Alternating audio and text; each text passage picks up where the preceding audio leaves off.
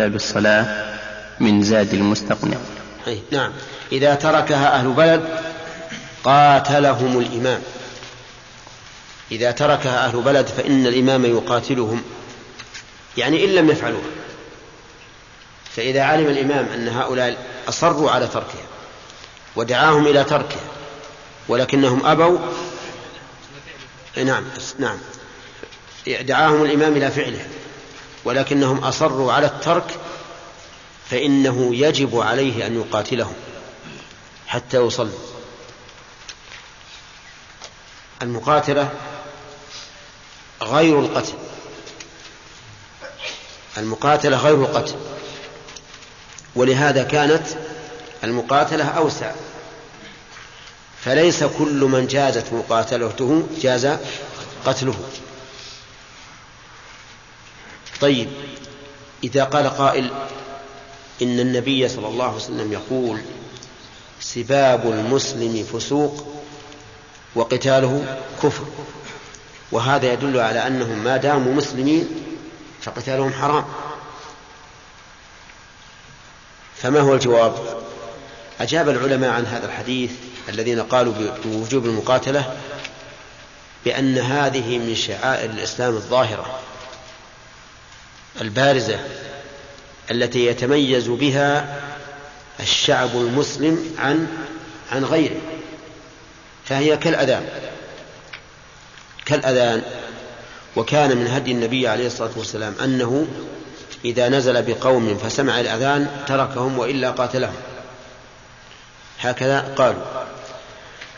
والمسألة فيها شيء من من النظر. لأن القتال قد يستلزم إيش؟ القتل. قد قد يدافع هؤلاء عن أنفسهم فيحصل اشتباك وقتل. وإذا قلنا إنها ليست فرض عين وإنما هي فرض كفاية فهي أقل من فرض العين.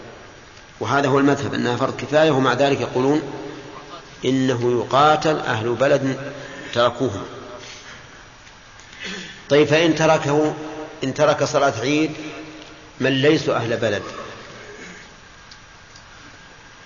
يعني جماعة في البر تركوها وهم قريبون من المدن فإنهم لا يقاتلون لأنها إنما تجب على أهل القرى كالجمعة ما تكون إلا على أهل القرى والأمصار. أما البدو الرحل ومن أشبههم فلا فلا تقام عندهم. طيب نحن قلنا إن المقاتلة أوسع من القتل.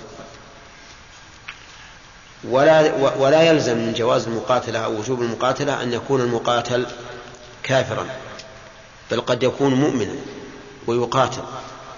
كما قال الله سبحانه وتعالى في الطائفتين المقتتلتين قال وإن طائفتان من المؤمنين اقتتلوا فأصلحوا بينهما فإن بغت إحداهما على الأخرى فقاتلوا التي تبغي حتى تفيء إلى أمر الله. فإن فاءت فأصلحوا بينهما بالعدل وأقسطوا. إن الله يحب المقسطين. إنما المؤمنون إخوة فأصلحوا بين أخويكم فأوجب قتال الفئة الباغية مع أنها مؤمنة. لا تخرج من الإيمان بالقتال. قال وأول وقتها وقول المؤلف قاتلهم الإمام. يعني إمام المسجد؟ ها. لا. المراد بالإمام عند الفقهاء هو أعلى سلطة في البلد أعلى سلطة في البلد. وكان الناس فيما سبق عن المسلمين كان إمامهم واحدا لكن تغيرت الأحوال. طيب هل يقاتلهم غير الإمام؟ لو أن جماعة من الإخوة أهل العلم والدين قال إنها قالوا هذا البلد ترك صلاة العيد. سنقاتلهم يلا. خذوا السلاح. يجوز؟ لا يجوز. لأن هذا افتيات على ولي الأمر. ولو فتح الباب للناس وصار كل من رأى منكرا أنكره بالفعل والتغيير باليد لحصل في هذا فوضى كثيرة. لأن كثيرا من الناس ولا نقول أكثر الناس لا يدرك مدى الخطورة في مثل هذا الأمر. ربما يعتقد أن هذا الشيء حرام فيحاول تغييره وهو وهو حلال ويسطو على من فعله بحجة أنه حرام وأن من رأى منكم منكرا فليغيره بيده ويحصل في هذا شر كثير. ولهذا قال العلماء إن الحدود لا يقيمها إلا الإمام. والتعزيرات لا يقوم بتقديرها إلا الإمام. والمقاتلة في مثل هذا وشبهه لا يقوم به إلا بها إلا الإمام. وليس لكل أحد أن يفعل ما شاء. لكن يمكن بعض الناس ما هم مجتهد يروح بزينه وركته نعم. يقول وقتها كصلاة الضحى وآخره الزوال. وقتها أي وقت صلاة العيد كصلاة الضحى. ومعلوم أن صلاة الضحى تكون من ارتفاع الشمس قيد رمح. فإذا قال قائل لماذا لم يقل المؤلف؟ ووقتها من ارتفاع الشمس قيد رمح حتى يريح الإنسان. نقول في هذا فائدة. العلماء يحيلون على ما مضى أو على ما يستقبل من أجل أن يحملوا طالب العلم على إيش؟ على البحث. فمثل هنا إذا قال كصلاة الضحى إذا أذهب إلى باب صلاة الضحى. أنظر متى. فأجمع الآن بين معلومين. معلوم عن صلاة الضحى معلوم عن صلاة العيد. لكن لو قال من ارتفاع الشمس قيد رمح ما حصل. ذلك وقد يكون الإنسان نسي وقت الضحى. ووقتها كصلاة الضحى وآخره الزوال. طيب إذا قال قائل ما هو الدليل على أن وقتها كصلاة الضحى؟ لو قال إنسان إن وقتها من طلوع الشمس. نقول الدليل على هذا أمران. الأمر الأول أن النبي صلى الله عليه وسلم وخلفاءه الراشدين لم يصلوها إلا بعد ارتفاع الشمس قيد الرمح والثاني أنها قبل أن ما قبل ذلك أن ما قبل ذلك وقت نهي. أن ما قبل ذلك وقت نهي. ولا ولا يمكن أن يكون وقت النهي وقتا لصلاة يستوي فيها الناس جميعا. لأن وقت النهي يكون لصلاة فائتة لشخص. نسها مثلا وما أشبه ذلك. قال وآخره الزوال. يعني آخر وقت العيد هو الزوال أي زوال الشمس. زوالها عن إيش؟ زوالها عن كبد السماء. وذلك أن الشمس إذا طلعت صار لكل شاخص أي لكل شيء مرتفع. صار له ظل من أي جهة؟ إذا طلعت الشمس صار لكل شاخص ظل من جهة الغرب وكلما ارتفعت نقص الظل. فإذا انتهى نقصه وبدأ بالزيادة فهذا علامة زوال الشمس. فإن لم يعلم بالعيد إلا بعده صلوا من الغد. إن لم يعلم بالعيد إلا بعده أي بعد الزوال فإنهم لا يصلون وإنما يصلون من الغد يعني من بكرة في وقت صلاة العيد. ودليل ذلك يقول ما رواه أبو عمير بن أنس عن عمومة له من الأنصار قال غم علينا شهر شوال فأصبحنا صياما فجاء ركب في آخر النهار فشهدوا أنهم رأوا الهلال بالأمس فأمر النبي صلى الله عليه وسلم أن الناس أن يفطروا من يومهم وأن يخرجوا غدا لعيدهم رواه أحمد وأبو داود والدار قطني وحسنه. إذا إذا لم يعلم الناس العيد إلا بعد الزوال فإنه في عيد الفطر يفطرون. لأنه تبين أن هذا يوم عيد ويوم العيد صومه حرام. في عيد الأضحى هل يضحون أو ينتظروا ينتظرون الصلاة؟ نقول ينتظرون الصلاة. لا يضحون إلا بعده من الغد. وهذه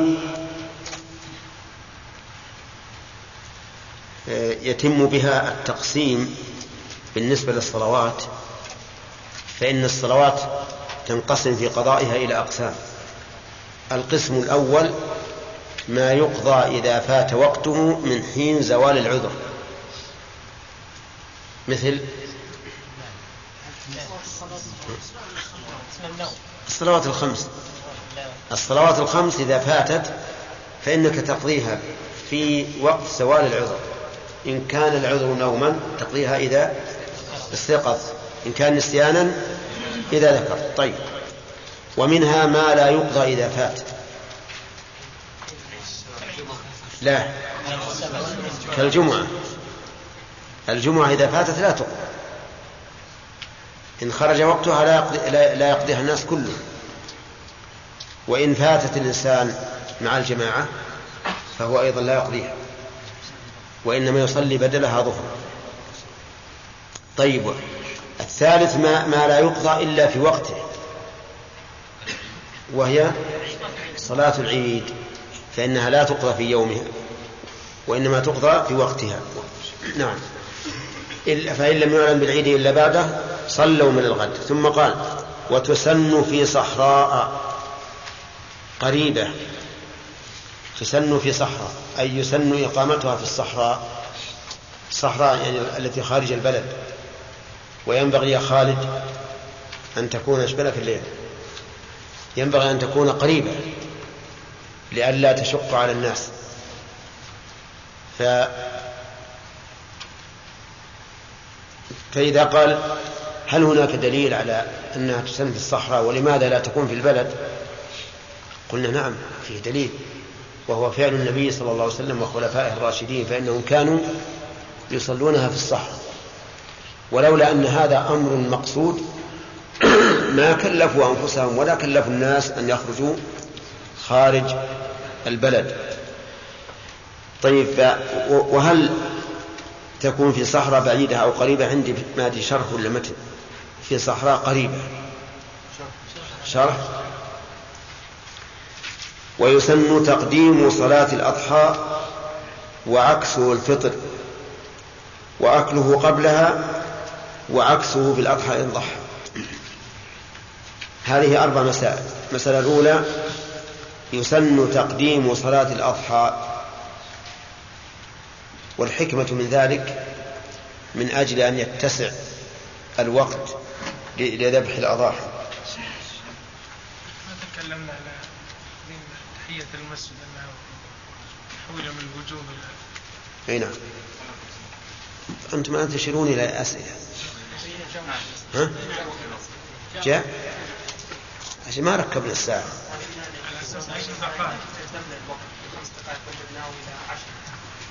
لكن في كل الدروس ولا في الفقه؟ في الفقه. هذا طيب. كنا نسمع عن بعض الاحتفالات؟ وكنا نسمع بعض الاحتفالات والاجتماعات بذكرى خروج الإمام محمد بن عبد إيش؟ بذكرى خروج الإمام محمد بن عبد الوهاب. اي يسأل عن الاجتماع الذي عقد مؤتمر أو أسبوع الشيخ محمد بن الوهاب. والجواب عن هذا أنه ليس عيدا لأنه لم يتكرر. والفائدة منه هو جمع المعلومات عن هذا الرجل ومؤلفاته ولهذا جمعت مؤلفاته في هذا المؤتمر وحصل فيها نفع كبير. لكن لو يتكرر كل سنة صار عيدا. نعم يعني اتضح اتضح في وسط النهار ان يعني يوم هذا اليوم يوم عيد يعني بعد الزوال بعد الزوال نعم. قلنا إنه لا يفطر هذا اليوم. نعم. لا يصلى فيه ويفطر هل اليوم الذي بعده الناس يعني يصومون الست؟ أي يصومون. أي نعم يصومون لأن لأن هذه صلاة قضاء. طيب لا لو لو جاء الوقت لو جاء الخبر قبل الزوال بيسير. والناس يمكنهم أن يقيموا الصلاة. إيه وجب أن يصلوا اي نعم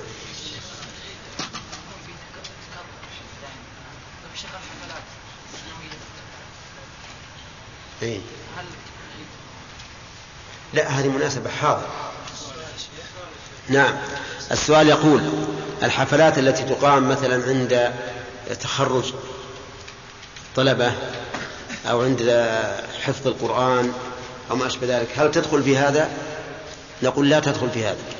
أولا لأنها لا تتكرر بالنسبة لهؤلاء الذين احتفل فيهم. والشيء الثاني له مناسبة. مناسبة حاضرة. هي شيء ماضي يذكر. نعم. إيش؟ ترجيحكم لوجوب صلاة العيد نعم. ألا يلزم منه تعدي الوجوب على النساء؟ اي الاستدلال إي نعم. يعني ربما يقال حتى على النساء وهذا هو ظاهر كلام شيخ الإسلام ابن تيمية أنه واجبه حتى على النساء نعم. إي نعم. أنتم تعرفون ان إن وجوب صلاة العيد في السنة الثانية من الهجرة. والحديث الأول متقدم. وأيضا ليس هذا الحديث عاما لكل شيء. ما ما كان له سبب فهو خارج. والنبي عليه الصلاة والسلام إنما أخبر الأعرابي بالصلوات الخمس التي التي تطلب من كل واحد. والأعرابي ربما يكون في البر وليس عندهم صلاة عيد. ففي احتمالات. نعم. شرع الإسلام الأخرى. أي نعم.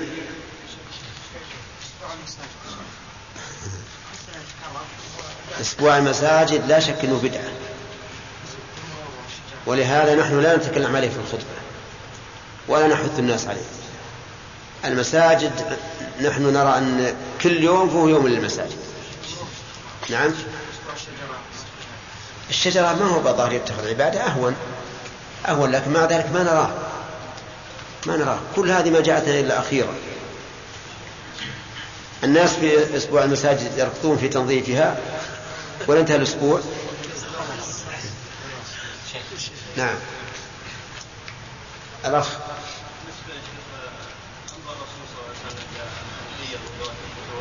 إيش؟ أمر الرسول وذوات الفطور بالخروج للمسجد هل كان في عيد الفطر أو الاضحى؟ الحديث عام. والظاهر في عيد الأضحى والفطر والفطر كله.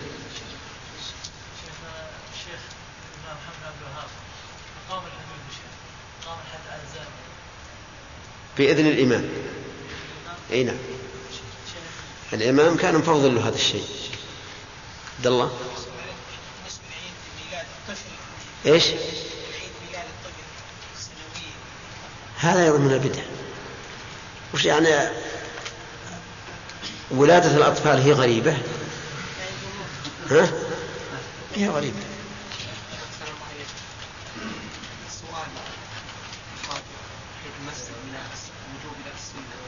الوقائع التي دلت إيه؟ هذا يسأل يقول ما هي الوقائع التي تدل على أن تحية المسجد ليست بواجبة؟ استدلوا لذلك بأمور. أولا أن النبي عليه الصلاة والسلام كان في يوم الجمعة يدخل المسجد ويصعد المنبر ويجلس بين الخطبتين ولا يصلي. واستدلوا أيضا بحديث كعب بن مالك لما دخل المسجد بعد توبة الله عليه. فإنه لم يصلي تحية المسجد. لكن هذا يحتمل أنه ليس على وضوء لأن من دخل على غير وضوء فإنه لا يصلي. وكيف يصلي وهو غير متوضئ؟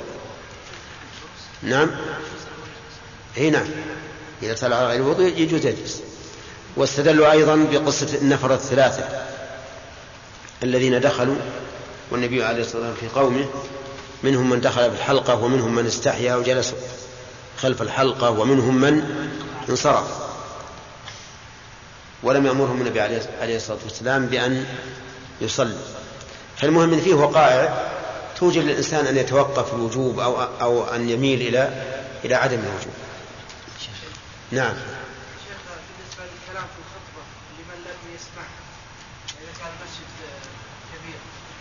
إي نعم. إذا كان الإنسان لا يسمع الخطبة فلا بأس أن يتكلم سرا. إما بقراءة أو بذكر أو ما أشبه ذلك أما أنه يبي يجهر أما أن يجهر فيشوش على الناس فهذا لا يجوز نعم في دولة كان رحمه مسلمون لكن لا يقيمون آه، العيد هل يقاتلون من أخوان المسلمين نفس الدولة؟ يعني ما يستطيعون كيف؟ دولة كافرة. هي مجموعة من المسلمين مم. ولا يقيمون العيد يريدون إقامة العيد لا ما ما يقيمون العيد ليش؟ تكاسل لا. وفي مجموعة أخرى تصلي العيد. فهل تقاتلهم ولا؟ إي. وش تقولون في هذا؟ جاب الآن ثلاث مجموعات. مجموعة كافرة مجموعة مسلمة تصلي العيد مجموعة مسلمة لا تصلي العيد. هل المجموعة المسلمة التي تصلي العيد تقاتل الأخرى؟ نعم. إذا قلنا أنه فرض كفاية آه، حميد حميدي ولا حميد؟ يا حميد المسألة ما هي مشكلة.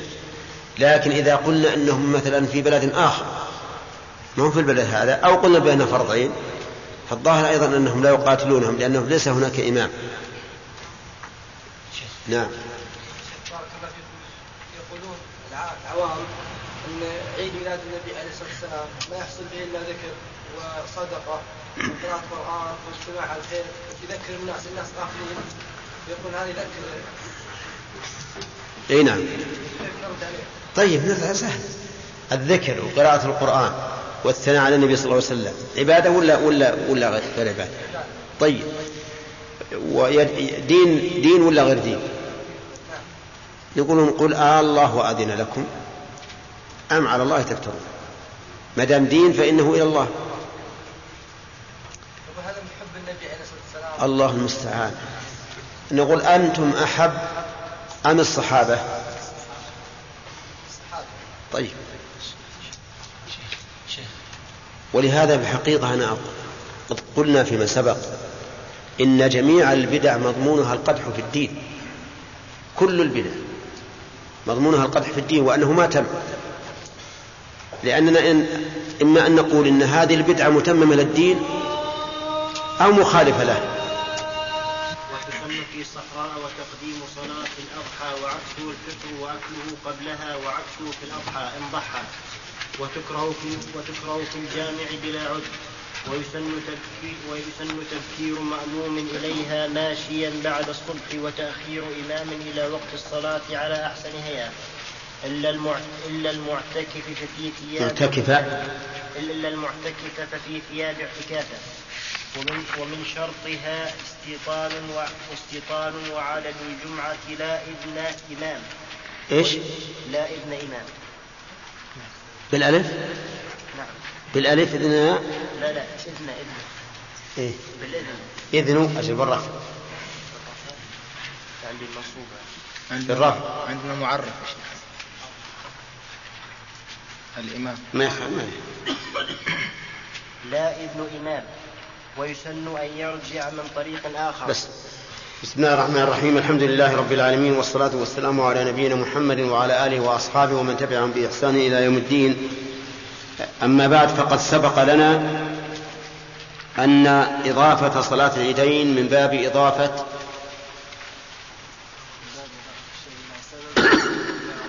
وإلى وقت. إلى سبب لأن سببهما لأن سببها العيدان. وإلى وقت لأنها تفعل في في العيدين. طيب. وسبق لنا أن الأعياد الشرعية أقل من ثلاثين. نعم يا أخي. ثلاثة. عيد الفطر والأضحى والجمعة. طيب.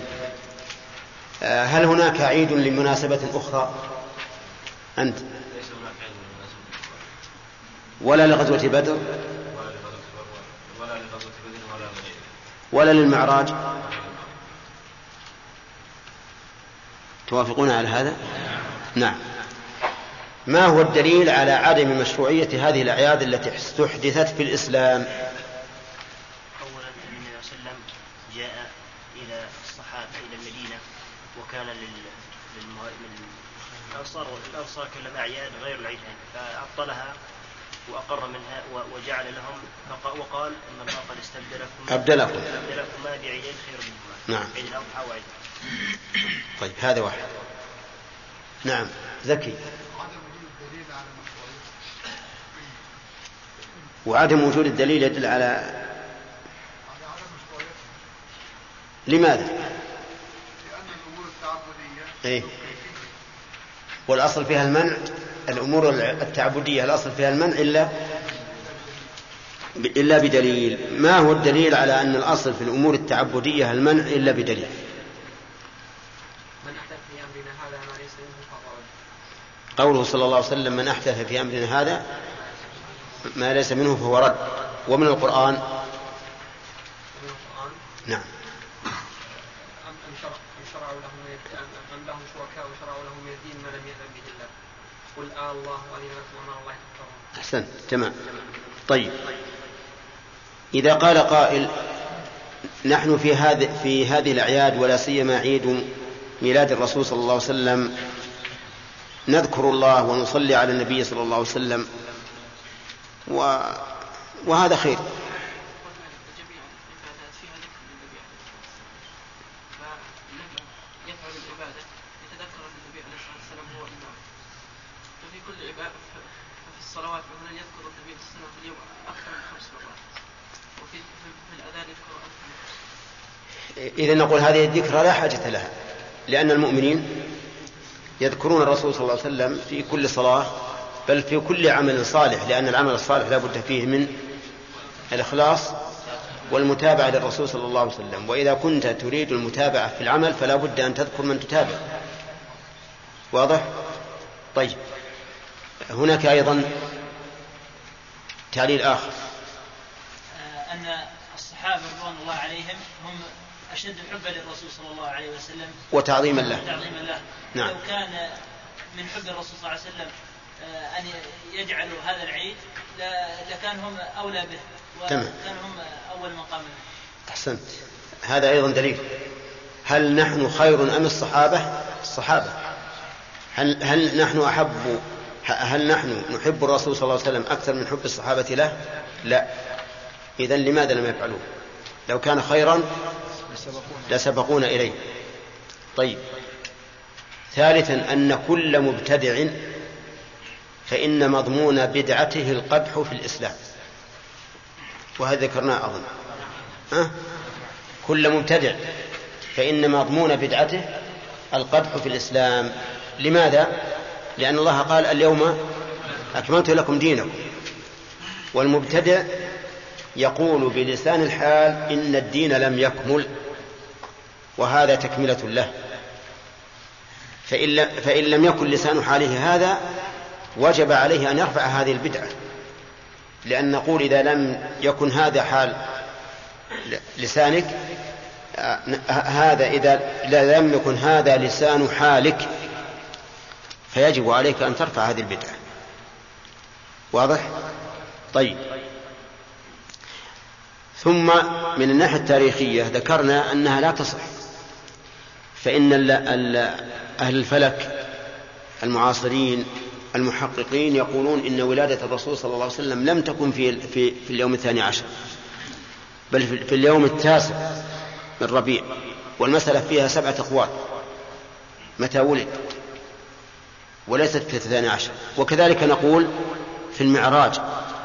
فإن بعض المسلمين الآن في ليلة 27 من رجب يحتفلون بذكرى المعراج. وهذه بدعة شرعية وخطأ في التاريخ لأنه لم يكن المعراج في رجب بل أقرب ما يكون أنه في في ربيع الأول اليوم الذي الشهر الذي ولد فيه الرسول صلى الله عليه وسلم وهو الذي أيضا ابتدأ به الوحي بالرؤيا الصادقة وهو الذي توفي فيه.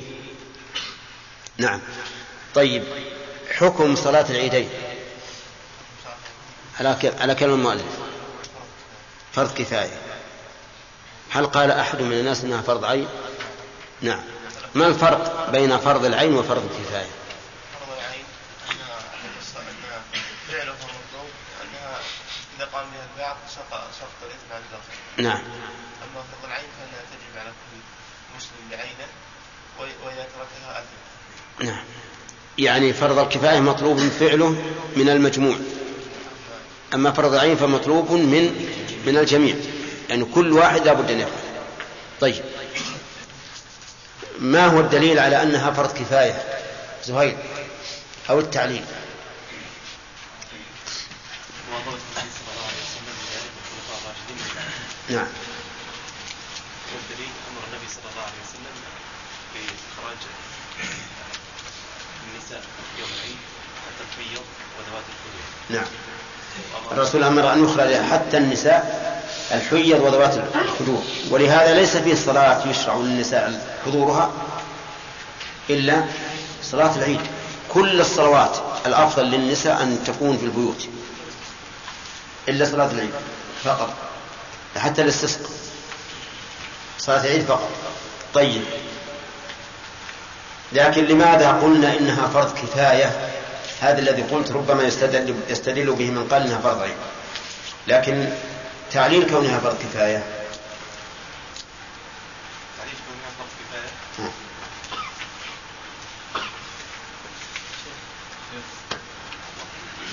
واصل.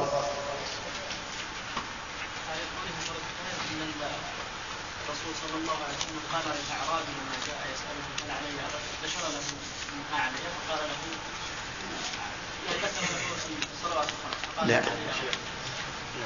لا هذا هذا قد ينفي وجوبها على العين فقط. نعم. أي. انها من شعائر الدين الظاهره فاذا قام به البعض فانه يكفي كذا تمام. هكذا علم.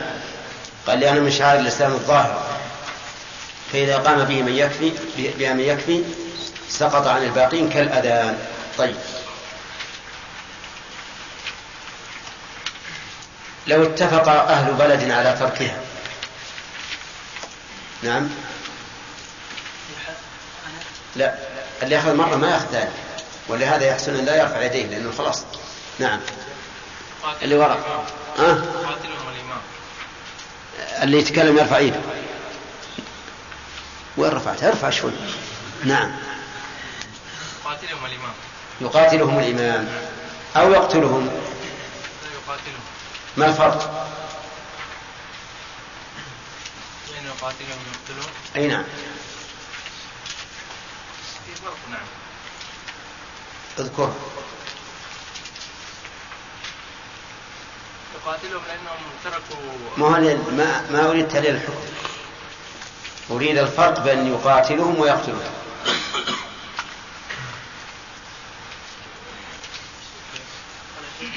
أنت. لأن المقاتلة أوسع من القتل. آه. والقتل يستوجب قتلهم جميعا أما المقاتلة أوسع. سواء صلوا أم لم يصلوا. أي المقاتل يقاتلون حتى حتى يصلوا. يعني لو قال نحن سنزحف عليكم ونقاتلكم إلا أن تصلوا فصلوا انتهى. طيب. لو جاء لو ثبت دخول شهر شوال بعد زوال الشمس فماذا يصنعون أخذت؟ يلا.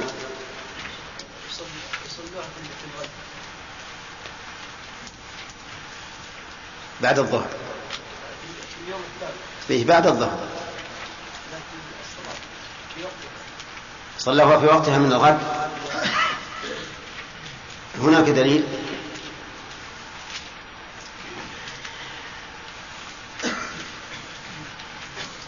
ورواه أبو أبو عبيد بن عاص عن عن عامة الله عمومة الله. عامة الله بن الأنصار قالوا أن ركبا قالوا قالوا هم عين شهر شوال فصمنا فصمنا يومنا فأصبحنا صياما. فجاءنا ركب في آخر النهار فشهدوا أنهم رأوا الهلال في بالأمس فأمر النبي صلى الله عليه وسلم الناس أن أن يفطروا في يومهم وأن يخرجوا ويخرجوا الصلاة ويخرجوا في الغد للصلاة. أحسنت. تمام. طيب. بهذه المناسبة ذكرنا أن الصلوات تنقسم إلى أربعة أقسام.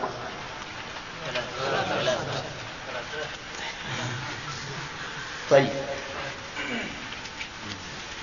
يلا خالد. ها. أخذت ولا لا؟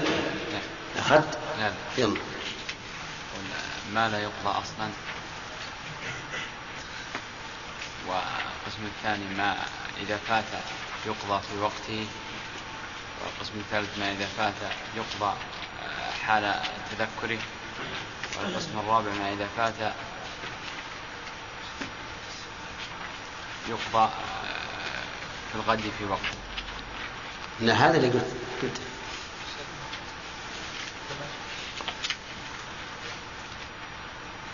ما لا يقضى أصلا. ذكرتها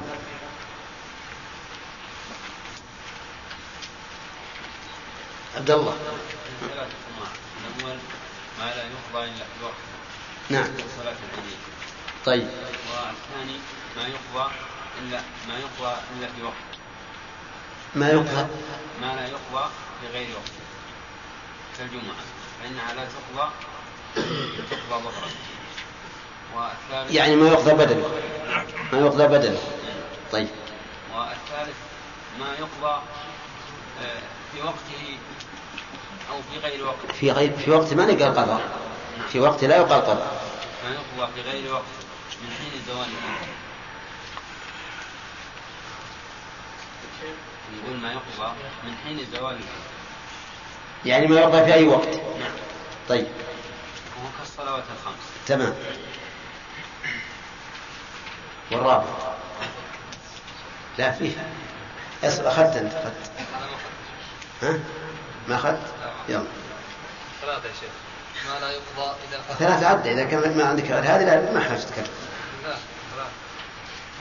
والحقيقة أنها أربعة. وهي ما لا يقضى أصلا. ما لا يقضى أصلا كصلاة الكسوف. لو لم نعلم إلا بعد انجلاء الكسوف ما نقضي. عرفتم؟ طيب. وهكذا نقول كل صلاة ذات سبب كل صلاة ذات سبب إذا فات سببها ما تقضى حتى تحية المسجد لو جلس وطال الجلوس فإنه لا يقضيها طيب إذن الصلوات أربعة أقسام بالنسبة للقضاء. ما لا يقضى وما يقضى في وقته وما يقضى بدله وما يقضى هو بنفسه في أي وقت. مثل الصلوات الخمس. هذه قاعدة. القاعدة الثانية مهمة أيضا وذكرناها فيما سبق في باب شروط الصلاة أن العبادة المؤقتة إذا أخرها الإنسان عن وقتها بدون عذر ها؟ فإنها لا تقضى لأنها لا تقبل منه. لقول النبي صلى الله عليه وسلم من عمل عملا ليس عليه أمرنا فهو رد. فعلى هذا لو تعمد الإنسان ترك الصلوات لمدة خمسة أيام فإننا نقول لا تقضيها. تب إلى ربك وأحسن العمل. ولو ترك الصيام صيام رمضان خمسة أيام فإنه لا يقضيها. نقول تب إلى ربك وأصلح العمل. واضح يا جماعة؟ طيب. آه، أظن انتهى. تسن في صحراء. أخذناها؟ يلا يا خالد. ما الدليل على أنها تسن في الصحراء مواظبة النبي صلى الله عليه وسلم وفعل خلفاء الراشدين أنهم يصلونها في الصحراء. هذا دليل أثري. ونريد دليلا نظريا وهو التعليل.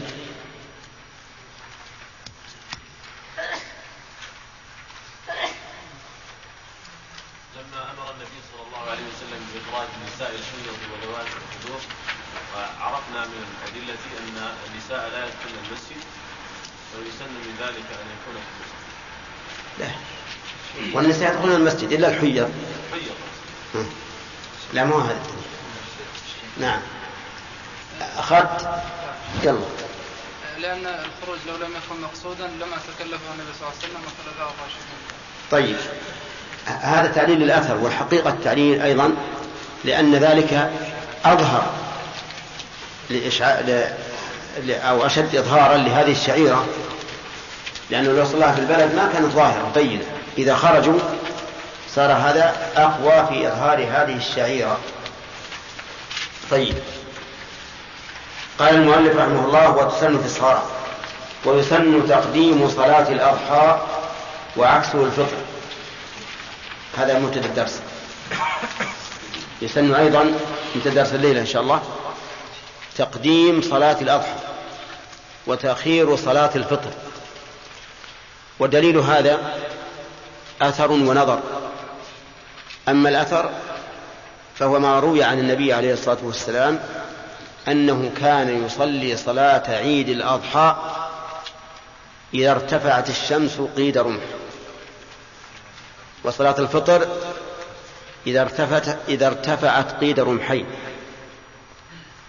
ثم فيه أيضا حديث ذكره الشرح عندنا أن النبي صلى الله عليه وسلم كتب إلى عمرو بن حزم أن عجل الأضحى وأخر الفطر وذكر الناس. عجل الأضحى يعني الصلاة وأخر الفطر وذكر الناس في الخطبة. أما الدليل النظري فلأن الناس في صلاة العيد الفطر في صلاة عيد الفطر محتاجون إلى امتداد الوقت ليتسع وقت إخراج الفطرة يعني زكاة يعني زكاة الفطر. لأن أفضل وقت تخرج فيه زكاة الفطر صباح يوم العيد قبل الصلاة. لحديث ابن عمر أمر أن تؤدى قبل خروج الناس إلى الصلاة. ومعلوم أنه إذا امتدت الصلاة وتأخرت صار هذا أوسع للناس. وأما عيد الأضحى فإن المشروع المبادرة بالتضحية لأن التضحية من شعائر الإسلام وقد قرنها الله عز وجل في كتابه بالصلاة فقال فصل لربك وانحر وقال إن صلاتي ونسكي قل إن صلاتي ونسكي ومحياي ومماتي لله رب العالمين. ففعلها مبادرا بها في هذا اليوم أفضل. وهذا إنما يحصل إذا قدمت إيش؟ إذا قدمت الصلاة لأنه لا يمكن أن يذبح الأضحية قبل الصلاة. طيب إذن الدليل على هذه المسألة إيش؟ أثري ونظري. ونحن نعني بالأثر دائما السمعي أي الكتاب والسنة والنظري العقل. طيب قال وأكله قبلها. وعكسه يعني وعكس الأكل في الأضحى إن ضحى. أكله أي أكل الإنسان. قبلها أي قبل صلاة عيد الفطر. فيسن الإنسان أن يأكل قبل أن يخرج إلى صلاة عيد الفطر. اقتداء بالنبي صلى الله عليه وسلم. فإنه صلى الله عليه وسلم كان لا يخرج يوم الفطر حتى يأكل تمرات ويأكلهن وترا. يأكلهن وترا. واحدة؟ أي ما ما تصح الواحدة. لأن لفظ الحديث حتى يأكل تمرات. وعلى هذا فلا بد من ثلاث فأكثر. ثلاث خمس سبع تسع احدى عشر واحد وثلاثين واحد وأربعين مئة واحد نعم. كل هذا كائن. المهم أن يأكل تمرات يقطعها على على وتر. وكل إنسان ورغبته. مهم مقيد. يعني له أن يشبع. له أن يشبع. وإن أكل سبعا فحسن. لأن النبي صلى الله عليه وسلم قال من تصبح بسبع تمرات من تمر العالية. وفي لفظ من العجوة فإنه لا يصيبه ذلك اليوم سم ولا سحر. سبحان الله. حماية وقاية. سبع تمرات من تمر العالية مكان المعروف في المدينة أو من العجوة. بل إن شيخنا رحمه الله بن سعد يرى أن أن ذلك على سبيل التمثيل وأن المقصود التمر مطلقا وأن المقصود التمر مطلقا. فعلى هذا يتصبح الإنسان كل يوم بسبع تمرات. إن كان النبي صلى الله عليه وسلم أراد أرادها فهذا قد حصل المطلوب وإن لم يردها فلا شك أن أن إفطار الإنسان على هذا التمر الجامع بين ثلاثة أمور من أفضل الأغذية الحلوى والفاكهة والغذاء لأن التمر يشتمل على هذا كله هو حلوى وفاكهة يتفكه به الإنسان. والثالث غذاء ولهذا لا تجد مثل التمر شيئا من الثمر لا يفسد إذا إذا تأخر إذا أبطأ بل هو دائما صالح للأكل إلا إذا أسى الإنسان آه، يعني كنزة أو ما أشبه ذلك. طيب على كل حال يأكل ثمرات. أقلها كم؟ أقلها ثلاث. أما الأضحى يقول المؤلف وعكسه يعني عكس الأكل وهو ترك الأكل. في الأضحى لكن شرط قال إن ضحى. فالأفضل في عيد الأضحى أن يتأخر حتى يضحي. طيب. والمؤلف رحمه الله ذكر حديثا عن بريرة كان النبي صلى الله عليه وسلم لا يخرج يوم الفطر حتى يفطر ولا يطعم يوم النحر حتى يصلي رواه أحمد. عندي الظاهر بريدة. نعم. ولأن ولأن ذلك أسرع إلى المبادرة في الأكل من ضحيته. والأكل من الأضحية واجب عند بعض العلماء. لقول الله تعالى كلوا منها وأطعموا. فبدأ بالأمر بالأكل. وقد ذهب إلى وجوب الأكل من الأضحية جماعة من أهل العلم استدلالا بظاهر الآية. فالأفضل إذن أن يتأخر في عيد الأضحى حتى يأكل من أضحيته التي أمر بالأكل منها.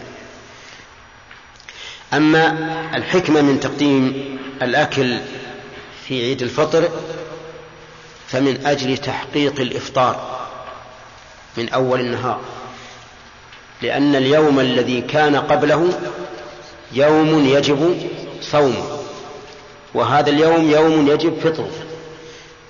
فكان المبادرة بتحقيق هذا أفضل. وعليه فلو أكل هذه التمرات قبل أن يصلي الفجر ها حصل المقصود حصل المقصود لأنه أكلها بعد أو أكلها في النهار. وإن أكلها حين الخروج فالظاهر أنه أفضل يعني إذا أراد أن يخرج. فصار لهذه المسألة دليل من الأثر والنظر أيضا. قال وعكسه في الأضحى وقوله إن ضحى فهم منه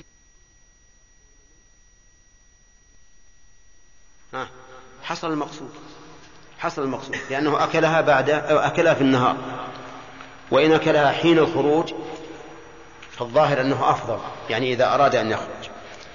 فصار لهذه المسألة دليل من الأثر والنظر أيضا. قال وعكسه في الأضحى وقوله إن ضحى فهم منه أنه إذا لم يكن لديه أضحية فإنه لا يشرع له الإمساك عن الأكل قبل الصلاة. فلو أكل قبل أن يخرج إلى الصلاة في عيد الأضحى إذا لم يكن له أضحية فإننا لا نقول له إنك خالفت السنة. نعم. ثم قال وتكره في الجامع بلا عذر. تكره يعني صلاة العيد في الجامع يعني في في جامع البلد بلا عذر. وظاهر كلام المؤلف أنها أنها تكره في الجامع سواء في مكة أو المدينة أو غيرهما من البلاد. أما في المدينة فظاهر. أن المدينة كغيرها يسن لأهل المدينة أن يخرجوا إلى الصحراء ويصلوا العيد. ويكره أن يصلوا في المسجد النبوي إلا لعذر. أما في مكة فلا أعلم أن الرسول صلى الله عليه وسلم أو أحدا من الذين تولوا مكة كانوا يخرجون عن المسجد الحرام. ولهذا استثنى عندي في الشرح قال إلا بمكة المشرفة. إلا بمكة فمن اللي فتح أما في مكة فلا أعلم أن أحدا صلى في الصحراء. ولعل الحكمة من ذلك والله أعلم أن المسجد المسجد الحرام فيه الكعبة. والصلاة فيه خير من مائة ألف صلاة فيما سواه. وأن الصحراء في مكة صعبة لأنها جبال وأودية فيشق على الناس أن يخرجوا. فلهذا كان كانت الصلاة صلاة العيد في المسجد الحرام في نفس المسجد. أما في المدينة فلا شك أن الأفضل أن تكون في الصحراء ولكن ما زال الناس من قديم الزمان يصلون في المسجد النبوي صلاة العيد. وقول المؤلف في الجامع بلا عذر بلا عذر. أفادنا رحمه الله أنه إذا صلوا في الجامع لعذر فلا كراهة. طيب ما هو ناصر؟ ما هو العذر؟ مثل إيش؟ كل ناس ضعفه؟ مثل. صح. كالمطر والرياح الشديدة والخوف. لو كان في خوف ما يستطيعون يخرجون عن البلد. المهم إذا كان لعذر فلا بأس. فإذا قال قائل ما هو الدليل على الكراهة؟ وأنتم تقولون إن ترك السنة لا يلزم منه الكراهة إلا بدليل. هل ذكرنا القاعدة هذه ولا لا؟ نعم ذكرناها. قلنا ترك السنة لا يلزم منه الكراهة إلا بدليل. فالجواب على ذلك أن نقول إنما كره هذا لأنه يفوت به مقصود كبير وهو إظهار هذه الشعيرة وإبرازها وهذا شيء مقصود للشارع. وكما أسلفنا فيما سبق وتف... و...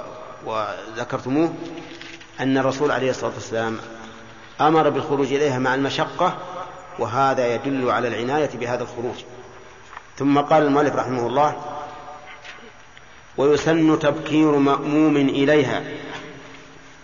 يعني يسن أن يبكر المأموم إلى صلاة العيد.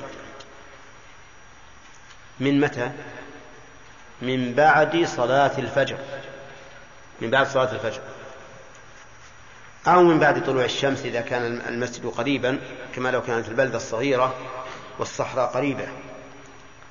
وكان ابن عمر رضي الله عنه لا يخرج إلا إذا طلعت الشمس. لكن مصلى العيد في عهد الرسول عليه الصلاة والسلام وفي عهد الصحابة مثل ابن عمر كان قريبا يمكن للإنسان أن يخرج بعد طلوع الشمس ويدرك الصلاة. على كل حال الأفضل أن يبكر من صلاة الفجر أو من طلوع الفجر. لا من صلاة الفجر لأنه لو خرج من طلوع الفجر لم يصلي الجماعة مع, مع الناس وهذا حرام. قال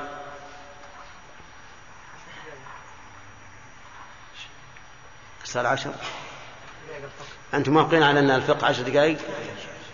طيب. نعم. ولا يزالون مختلفين. نعم. طيب. الحقيقة أنا معكم. أنا مع الذين لا يوافقون. أولا لأن ساعة تتعي علي لا تدرك.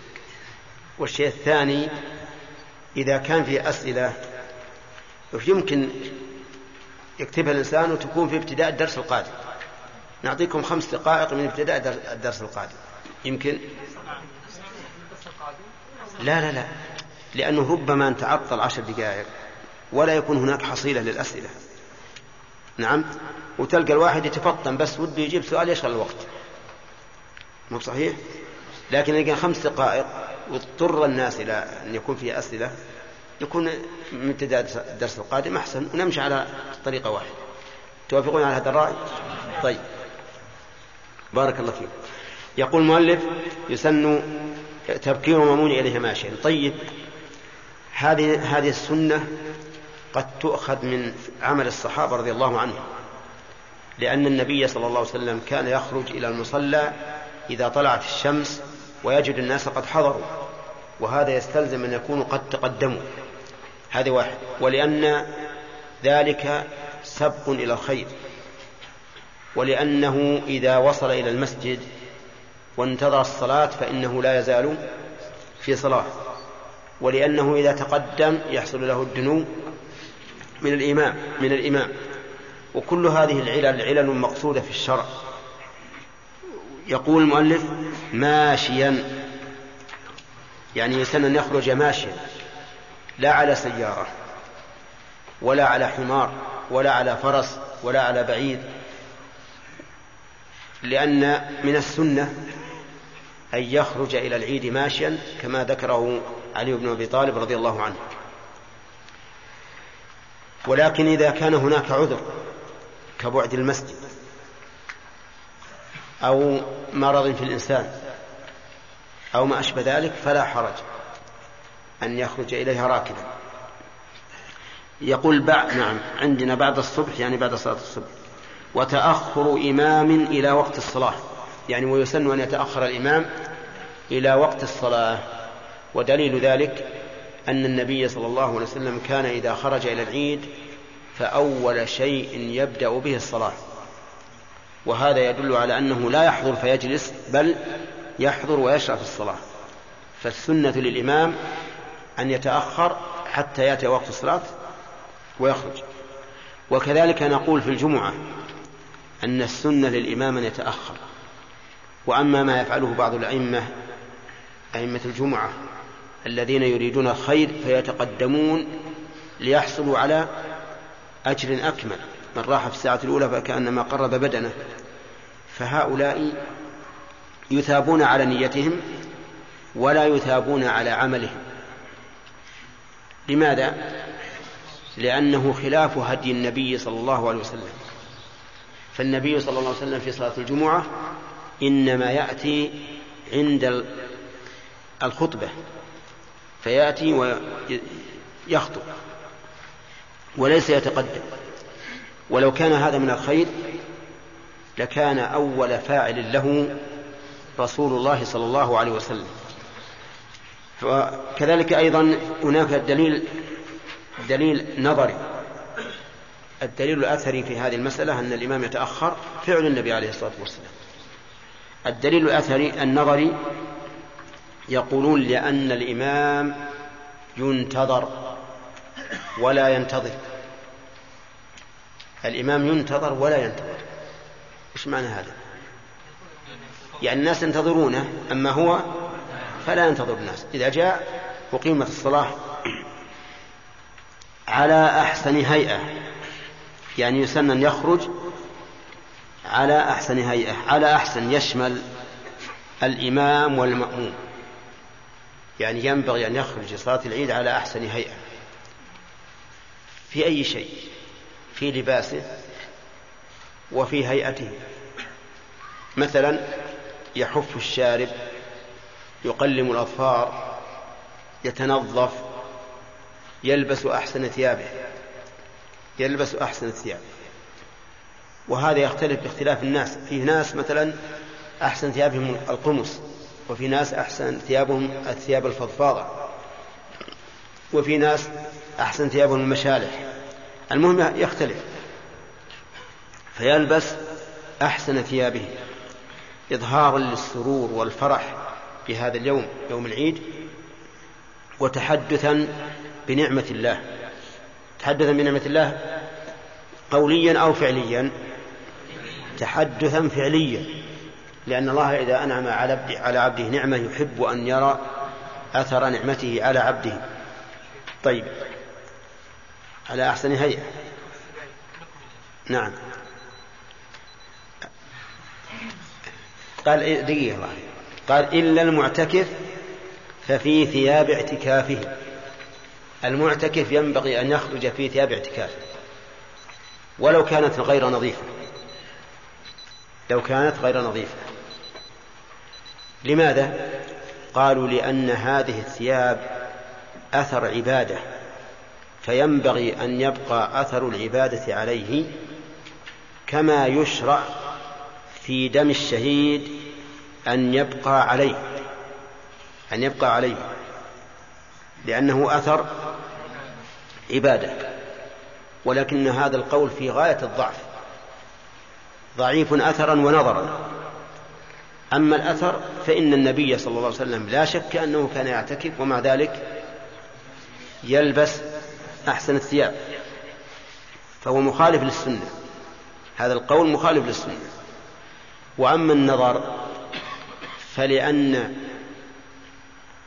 توسخ ثياب المعتكف ليس من أثر اعتكافه ولكن من طول بقائها عليه. ولهذا لو لبس ثوبا نظيفا ليلة العيد نعم أو في آخر يوم من رمضان ما أثر. ولا يصح قياسه على دم الشهيد لأن دم الشهيد يأتي يوم لأن الشهيد يأتي يوم القيامة وجرحه يثعب دما. اللون لون الدم والريح ريح المسك فبينهما فرق كبير. فالصحيح أن المعتكف كغيره يخرج إلى صلاة العيد متنظفا. لابسا أحسن ثيابه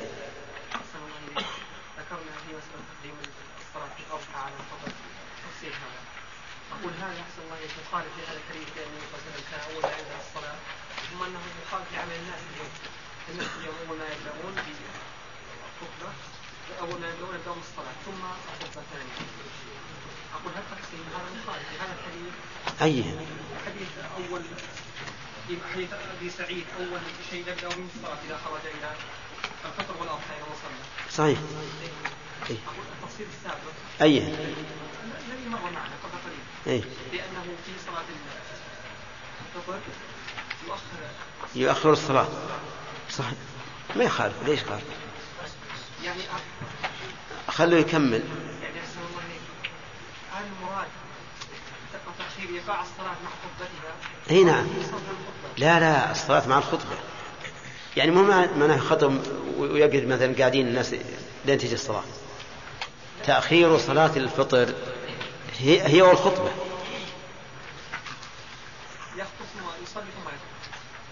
لا لا. يأخر الصلاة. ومعروف أن يوم العيد الخطبة فيه بعد الصلاة. إذا أخر الصلاة أخر الخطبة. يعني مثلا إذا كنا نصلي يوم العيد في في في الفطر الساعة السادسة. نصلي في في, في الأضحى الساعة خمس ونص. نبكر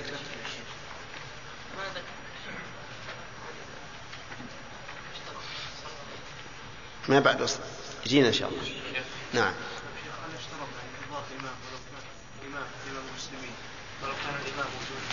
وشلون؟ إيش؟ الامام الذي انتظر لكي المسلمين. اي. قدوم الامام يسأل يقول هل إذا انتظر إمام الصلاة إمام البلد يعني السلطان الأعظم هل ينتظره متى جاء؟ نقول هذه إذا كان الإمام الأعظم السلطان إذا كان مهتما بأمر المسلمين ويحضر في الوقت ولا يتأخر عن الناس فنعم الأحسن أن ينتظر. وأما إذا كان لا يبالي يتأخر ساعة أو ساعة ونصف والناس تأكلهم الشمس فهذا لا ليس له حرمة. نعم. والله الأفضل أن لا يتقدم. لو كان يضع الخطة في المسجد. نعم. أقول الأوراق والماس حتى في غرفة البيت. لكن يتكلف إذا حصل الله على كل حال هو الأفضل ومو مو بحرام. يعني. ولو كان البيت بعيدا. والله الأفضل أنا الأفضل أن يبقى في بيته حتى يحين وقت الصلاة قول الرسول صلى الله عليه وسلم قول الرسول صلى الله عليه وسلم في أعيادنا أهل الإسلام وذكر أيام التشريق نعم. هذه تبع. هذه تبع لعيد الأضحى إلى محمد وعلى آله وصحبه أجمعين. عندنا تسميع الأول ولا؟ ها؟ تسميع ومراجعة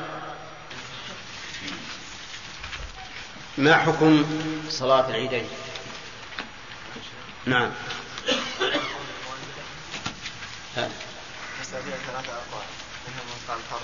على على كان المؤلف؟ فرض كفاية. ما معنى فرض الكفاية؟ هو الذي إذا قام به؟ ما الفرق بينه وبين فرض العين؟ فرض العين أن كل إنسان يقوم بذلك يقوم بنفسه بهذا العمل فإذا ترك أنه مطلوب من كل واحد بعينه ها؟ نعم. أما فرض الكفاية فهو مطلوب من المجموع من الجميع. من الجميع؟ من المجموع. من المجموع. لأن المقصود فعل هذا الشيء. المقصود فعل هذا الشيء. هل تعرف شيئا من فروض الكفاية سوى العيدين؟ نعم الاستسقاء. الاستسقاء فرض كفاية؟ نحن لم نصل لها بعد. ما وصلناها اتركها. شيء من اللي مضى.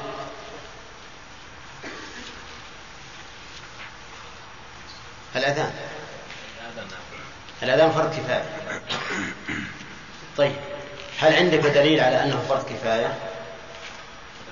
نعم. نعم لأنه شعار من الظاهر. ولقول الرسول إذا حضرت الصلاة فليؤذن لكم أحدكم طيب. يرى بعض العلماء أن صلاة العيد فرض عين بن داود. أما حضرت؟ طيب. فما حجتهم مواظبة النبي صلى الله عليه وسلم على ذلك. ولأن في عهد النبي صلى الله عليه وسلم اجتمع صلاة صلاة الجمعة وصلاة العيد. فبعد أن صلى العيد النبي صلى الله عليه وسلم قال إن اليوم جمعة وإنا مجمعون. فمن أراد فليجمع فليأتي ومن أراد فلا يعني فلا حرج عليه. وصلاة الجمعة واجب ولا يسقط الواجب إلا بواجب. سليم. على الرسول صلى الله عليه وسلم قامت الرسول هو امره للنساء وامره ل- للنساء اللي ما يحضر المسجد يدق على وجوههم أي نعم. هذا الأخير اختيار شيخ الإسلام ابن تيمية. الذين قالوا إنه لا يمكن أن يكون فرض عين لأن الرسول صلى الله عليه وسلم قال للأعرابي ليس علي هل علي غيرها؟ قال لا إلا أن تتطوع ها؟ الحديث الذي الذي الذي يستدل به يعني وقال وسلم علم الصحابي اعمال اليوم والليله نعم. أما هذه فوجوبها عارض كذا؟ طيب.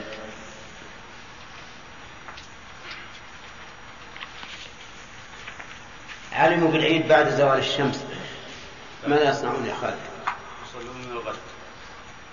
يصلون من الغد. ركعتين ركعتين كر- كالسنة العادية. كصلاه آه. إذا يصلون صلاة العيد من الغد بخطبة وكل شيء. طيب تمام. هل هناك دليل على هذه المسألة؟ منصور؟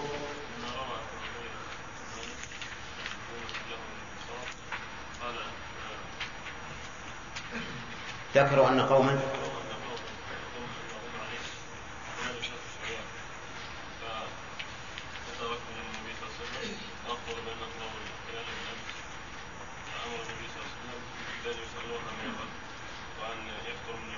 أحسن. تمام.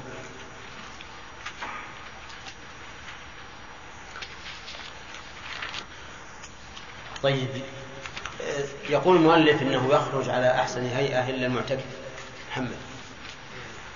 نعم. هذا عن مشهور المذهب ولكن آه، الراجح. المؤلف يرى أنه المعتكف يخرج في ثياب اعتكافه. فما حجته؟ حجته لأنه أثر عبادة نعم. لأن عليه أثر عبادة نعم. والراجح خلاف فينبغي ان فينبغي أن يحضر الصلاة ان يبقيها. أن يبقي هذا الأثر على عليه. هل له شيء يقيسونه عليه؟ يقيسونه على دم الشهيد. نعم على دم الشهيد. قالوا انه إن الرسول عليه الصلاة والسلام أمر أن يدفن الشهداء بدمائهم لأنه أثر عبادة. عبادة. ذكرنا أن الصحيح خلاف ذلك. وعللنا ذلك بعلل عديدة. الأخ. بالنسبة لدم الشهيد آثر عبادة لأنه كان من العبادة من الجهاد. نعم. أما الثياب فهي من الامثله على أي نعم. ولهذا تتسخ للمعتكف وغير المعتكف طيب. فلذلك لا تكون ليس ليس له أن يدخل فيها أو ليس من الأفضل أن يدخل فيها. نعم. نعم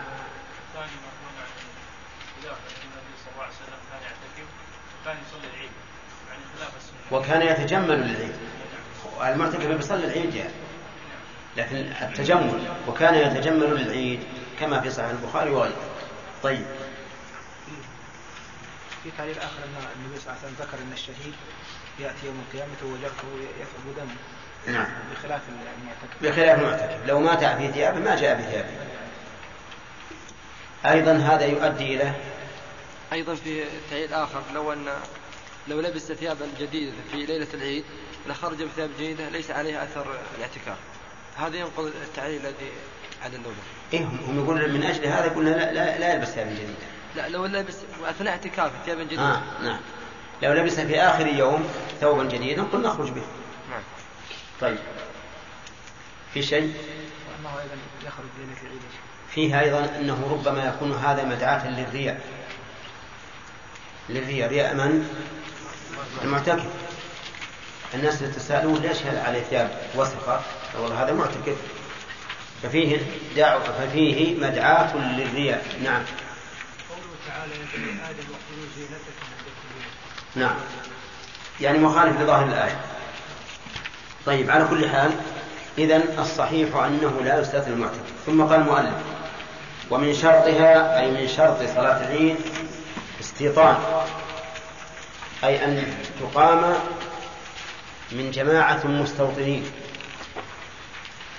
فخرج بذلك المسافرون والمقيمون لأن الناس على المشهور من المذهب ثلاثة أقسام مسافر ومقيم ومستوطن. أما المسافر فواضح وأما المقيم فهو المسافر إذا نوى إقامة تقطع حكم السفر. وهي على المذهب أربعة أيام. هذا يسمونه مقيما لا مسافرا ولا مستوطنا وأما المستوطن فهو الذي في بلده. فيشترط لصحة صلاة العيد يرحمك الله. يشترط لصحة صلاة العيد أن تكون من قوم مستوطنين. فخرج بذلك من؟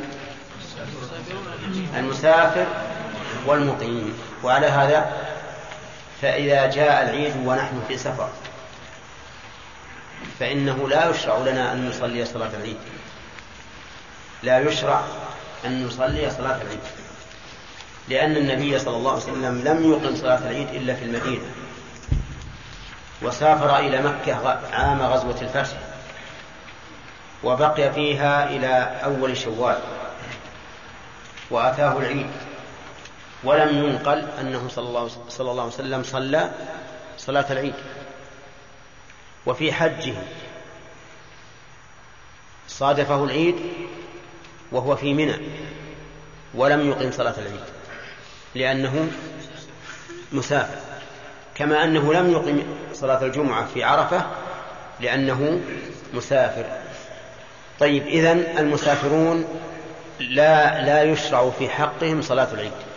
وهذا واضح لأن هذا هو هدي النبي صلى الله عليه وسلم. المقيمون كذلك على المذهب لأنهم ليسوا من أهل إقامة الجمعة فلا يكونون من أهل إقامة العيد. فلو فرضنا أن جماعة تبلغ مئتين في بلد غير إسلامي وكانوا قد أقاموا للدراسة لا, لا للاستيطان وصادفهم العيد فإنهم لا يقيمون صلاة العيد. لا يقيمون صلاة العيد. لأنهم ليسوا مستوطنين. ولكن في هذا القول نظرا ولهذا كان الناس الآن على خلاف هذا القول.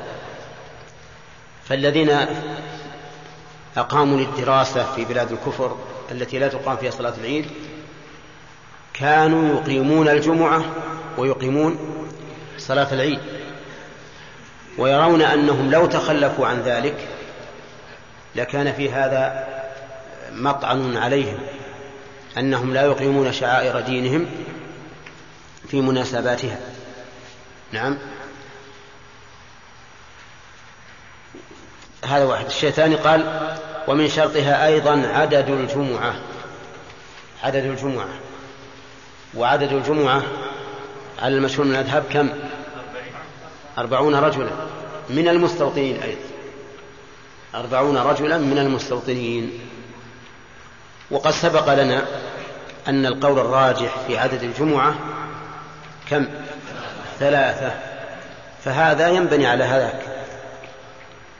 لا بد من عدد يبلغون ثلاثة.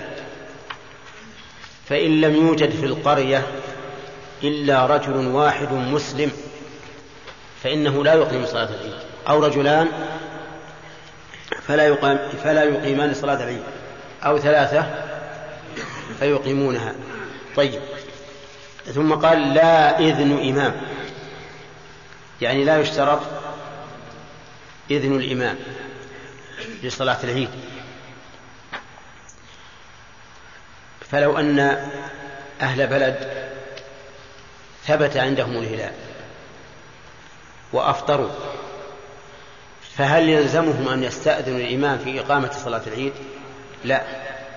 حتى لو قال الإمام لا تقيموها فإنه يجب عليهم أن يقيموها وأن يعصوه. لماذا؟ لأن لأنه لا طاعة لمخلوق في معصية الخالق. وقد سبق لنا في الجمعة أنه ينبغي أن يشترط إذن الإمام لتعدد المواضع لتعدد الجمعة فهذا العيد أيضا نقول فيه ما نقول في الجمعة. يعني أنه لو احتاج الناس إلى إقامة مسجد آخر للعيد فإنه لا بد من إذن الإمام أو نائب الإمام. حتى لا يحصل فوضى بين الناس ويصير كل واحد منهم آه، يقيم مصلى عيد. ثم قال المؤلف رحمه الله و ويسن أن يرجع من طريق آخر. يسن أن يرجع الفاعل من؟ المصلي صلاة العيد. يسن أن يرجع من طريق آخر. إذا خرج من طريق أن يرجع من طريق آخر. اقتداء بالنبي صلى الله عليه وسلم فإنه كان إذا خرج يوم العيد خالف الطريق. ثبت ذلك عنه. فالحكمة من هذا متابعة النبي صلى الله عليه وسلم. وهذه الحكمة يا إخواني هذه الحكمة هي أعلى حكمة يقتنع بها المؤمن. أعلى حكمة يقتنع بها المؤمن أن يقال هذا أمر الله ورسوله. ودليل ذلك قوله تعالى وما كان لمؤمن ولا مؤمنة إذا قضى الله ورسوله أمرا أن يكون لهم الخيرة من أمرهم يعني بل يقتنعون غاية الاقتناع. وقول عائشة رضي الله عنها وقد سئلت لماذا تقضي الحائض الصوم ولا تقضي الصلاة؟ قالت كان يصيبنا ذلك فنؤمر بقضاء الصوم ولا نؤمر بقضاء الصلاة ولم تذكر سوى هذا. فهذه الحكمة للمؤمن هي أعلى حكمة يقتنع بها لأن المؤمن لسانه وحاله سمعنا وأطعنا. طيب فالحكمة من هذا من المخالفة بالنسبة لنا هي اتباع الرسول صلى الله عليه وسلم. فنقول لما فعل الرسول نحن نتبعه ونحن وراءه ونحن خلفه. أما بالنسبة لفعل الرسول لها فلماذا؟ اختلف العلماء في العلة في تعليل فعل الرسول لا فعلنا. فمنهم من قال إن العلة إظهار هذه الشعيرة في أسواق البلد لأن الناس إذا جاءوا من هذا الطريق زرافات ووحدانا وهجروا الطريق الثاني لم تتبين هذه الشعيرة في إيش؟ في الطريق الثاني وصارت منحصرة في الطريق الأول. فإذا خرجوا من هنا ودخلوا من هناك صار في هذا إظهار للشعيرة. طيب. ثانيا قالوا لعله يكون في الطريق الثاني فقراء ليسوا في الطريق الأول. فيجود عليهم ويدخل عليهم السرور لأنه, لأنه في يوم العيد ينبغي للإنسان أن يوسع على أهله ويدخل السرور عليهم ويبسط لهم في الرزق لأنه لأن العيد يوم فرح وسرور. فربما يكون في الطريق الثاني ها فقراء لا يكونون في الطريق الأول فيحصل عليهم الجود والتيسير والكرم.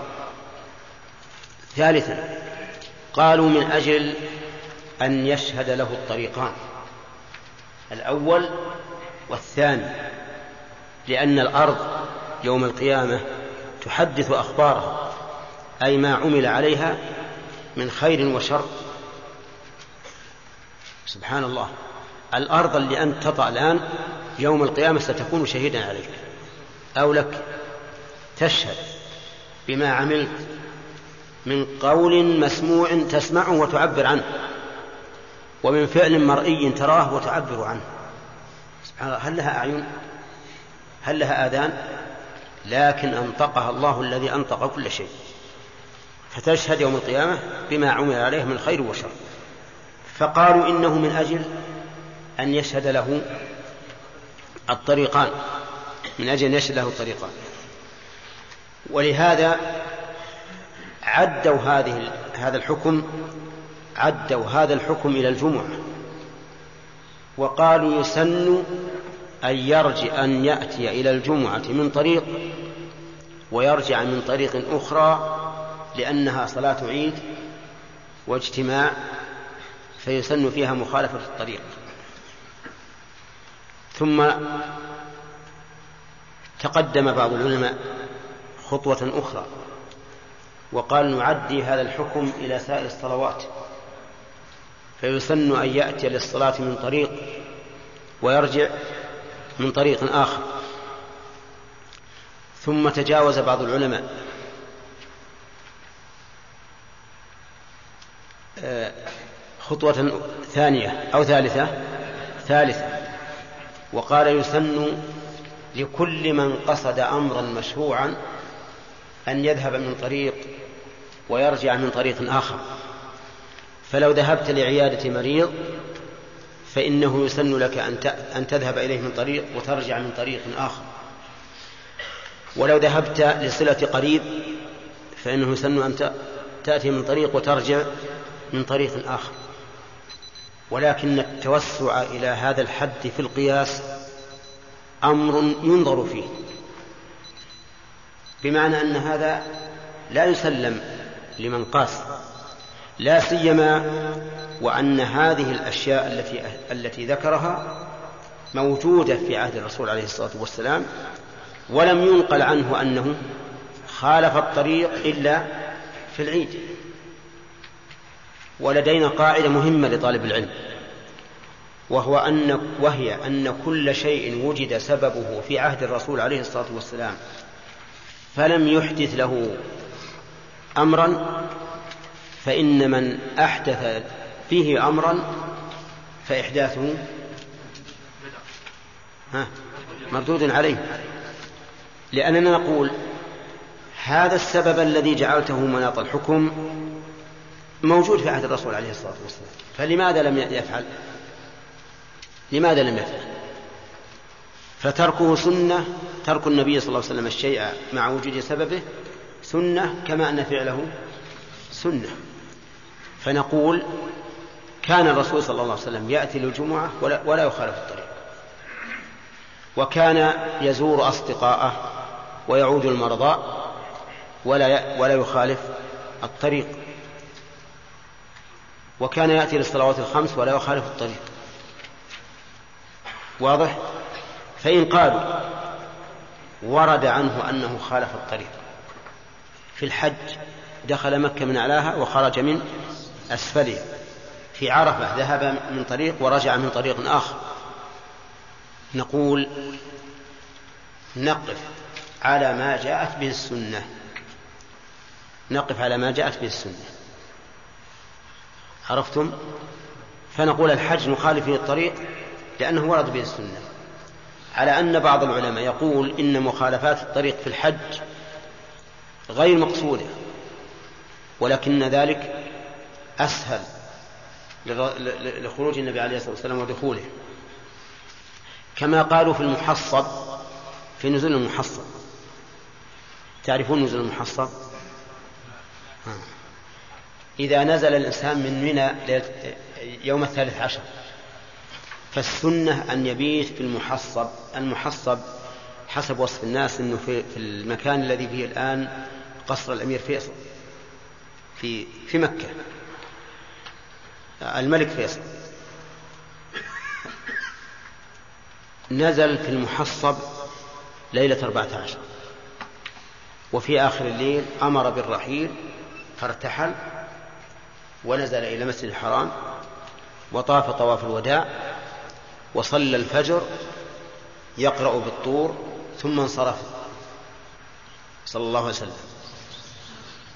هذا النزول قال بعض العلماء إنه سنة وقالت عائشة رضي الله عنها ليس بسنة إنما نزله النبي صلى الله عليه وسلم لأنه كان أسمح لخروجه. فيكون هذا النزول على كلام عائشة غير متعبد به غير متعبد به ولكنه أيسر للخروج. على كل حال أنا أقول الصواب مع من يرى أن مخالفة الطريق خاص في صلاة العيدين فقط. وهذا هو ظاهر كلام المؤلف رحمه الله لأن المؤلف لم يذكر مخالفة الطريق في الجمعة وذكره في العيدين فدل ذلك على أن اختياره أنه لا يسن لا تسن مخالفة الطريق إلا في صلاة العيدين. نعم.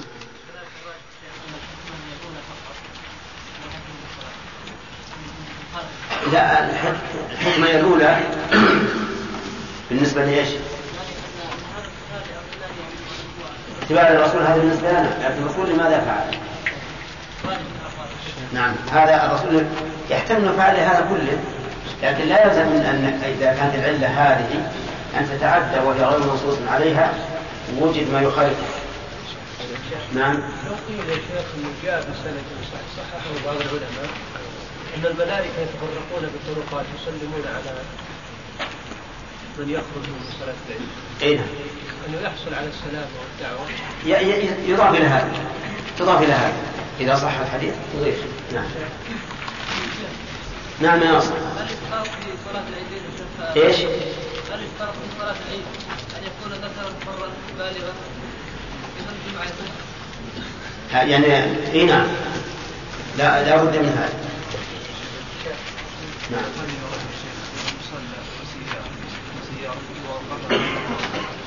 ثم ذهب إلى مصلى البعيد إلى على قدمه ودخل مع باب ثم يكن الصلاه خرج خرج من باب آخر. باب اخر ثم ركب السياره ورجع نفس الطريق الذي سارت معه السياره لم لم يخالف الطريق. لم يخالف ما يصب السنة إلا إذا كان ليس هناك إلا هذا الطريق. إذا كان ما في إلا هذا الطريق الذي رجع منه فهذا يقال اتق الله ما استطاع لكن إذا كان فيه طرقات أخرى فليفعل شيخ قلنا أن من كل شيء يوجد سببه في عهد رسول الله صلى الله عليه وسلم ولم يفعله ففعل من بعده بدعة. مردود عليه. ونحن قسنا على من دخل بيت أن رسول الله صلى الله عليه وسلم دخل بيته كان يشوفه بالسواك. قسنا على ذلك المسجد. مع أن هذا مما توافر الدواعي على لا يا أخي. قلنا بعض العلماء قاس دخول المسجد وليس بصحيح. هذا كرته ها؟ يلا يا خالد. عجب. والله ما, ما نسيت. إيش تقول؟ نعم لا صحيح. بل صحيح ما قال ولا ما قلت؟ لا لا ما قلت يا شيخ. الحمد لله. طيب. صح صح. نعم.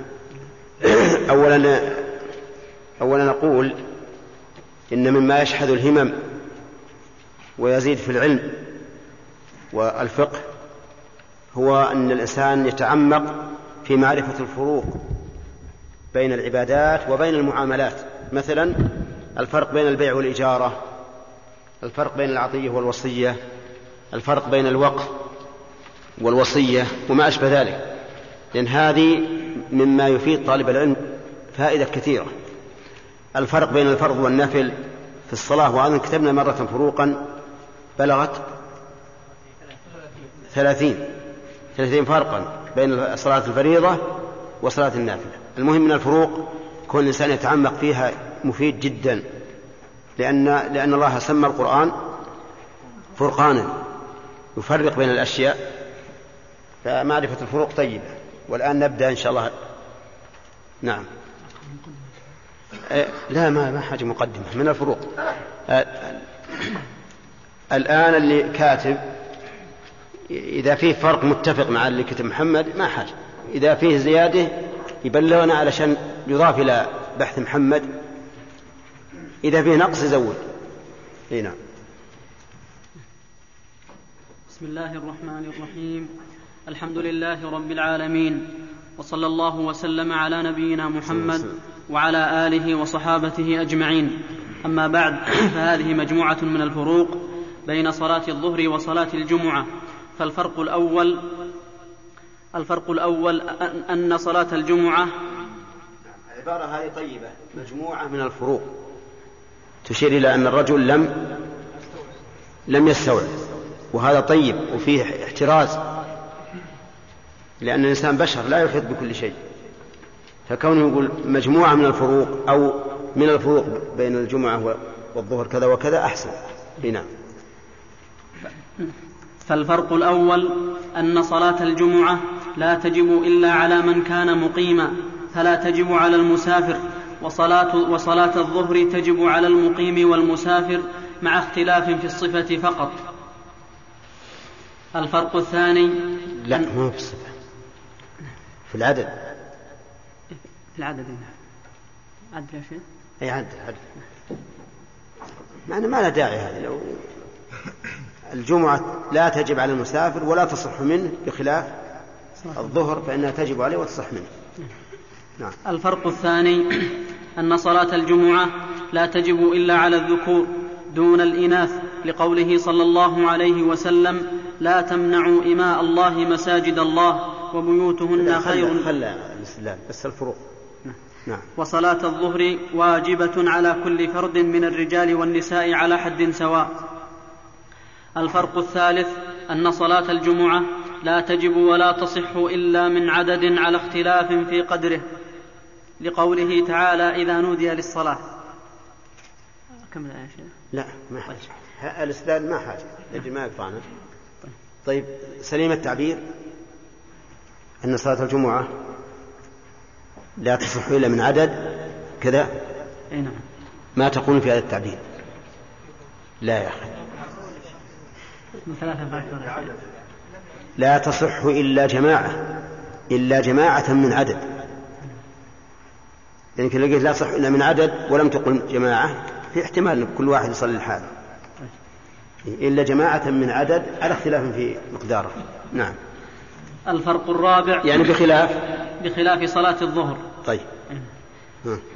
الفرق الرابع أنه يشترط لوجوب الجمعة الاستيطان ببناء في قول أكثر أهل العلم وهو الإقامة في قرية على الأوصاف المعروفة بحيث لا يضعنون عنها صيفا ولا شتاء.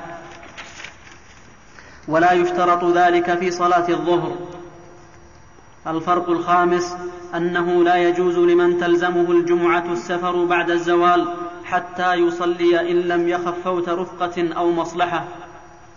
وهذا على قول الأكثر وذلك بخلاف صلاة الظهر. نعم. فيه بعد استثناء ثاني. إلا إذا خاف فوت الرفقة أو ها؟ أي نعم. أو أتى بها في طريقه. أو أتى بها في طريق على كل حال هذه ما لها دخل في الموضوع. إنما السفر بعد دخول وقت الجمعة لا يجوز بعد الزوال. بخلاف الظهر فيجوز السفر بعد الزوال. نعم. ويجوز السفر في وقت صلاة الظهر أو قبلها. الفرق السادس أنه يشترط تقدم خطبتين لصلاة الجمعة لفعل النبي صلى الله عليه وسلم ولا يشترط ذلك في صلاة الظهر. الفرق السابع أن صلاة الجمعة إذا فات وقتها فإنها لا تقضى بل تصلى ظهرا لأنها فرض الوقت.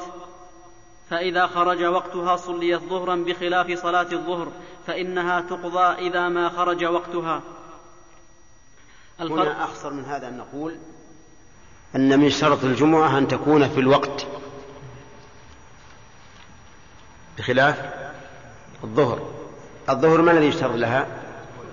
دخول الوقت فقط لا أن تكون في الوقت. الفرق الثامن بهذا الشريط يا أحبابنا ينتهي هذا الشرح المبارك إن شاء الله. فجزى الله فضيلة الشيخ كل خير ونفعنا بعلمه. والسلام عليكم ورحمة الله وبركاته. مع تحية إخوانكم في مؤسسة الاستقامة الإسلامية للإنتاج والتوزيع في عنيزة. رقم الهاتف هو ثلاثة ستة أربعة ثمانية ثمانية ثمانية صفر.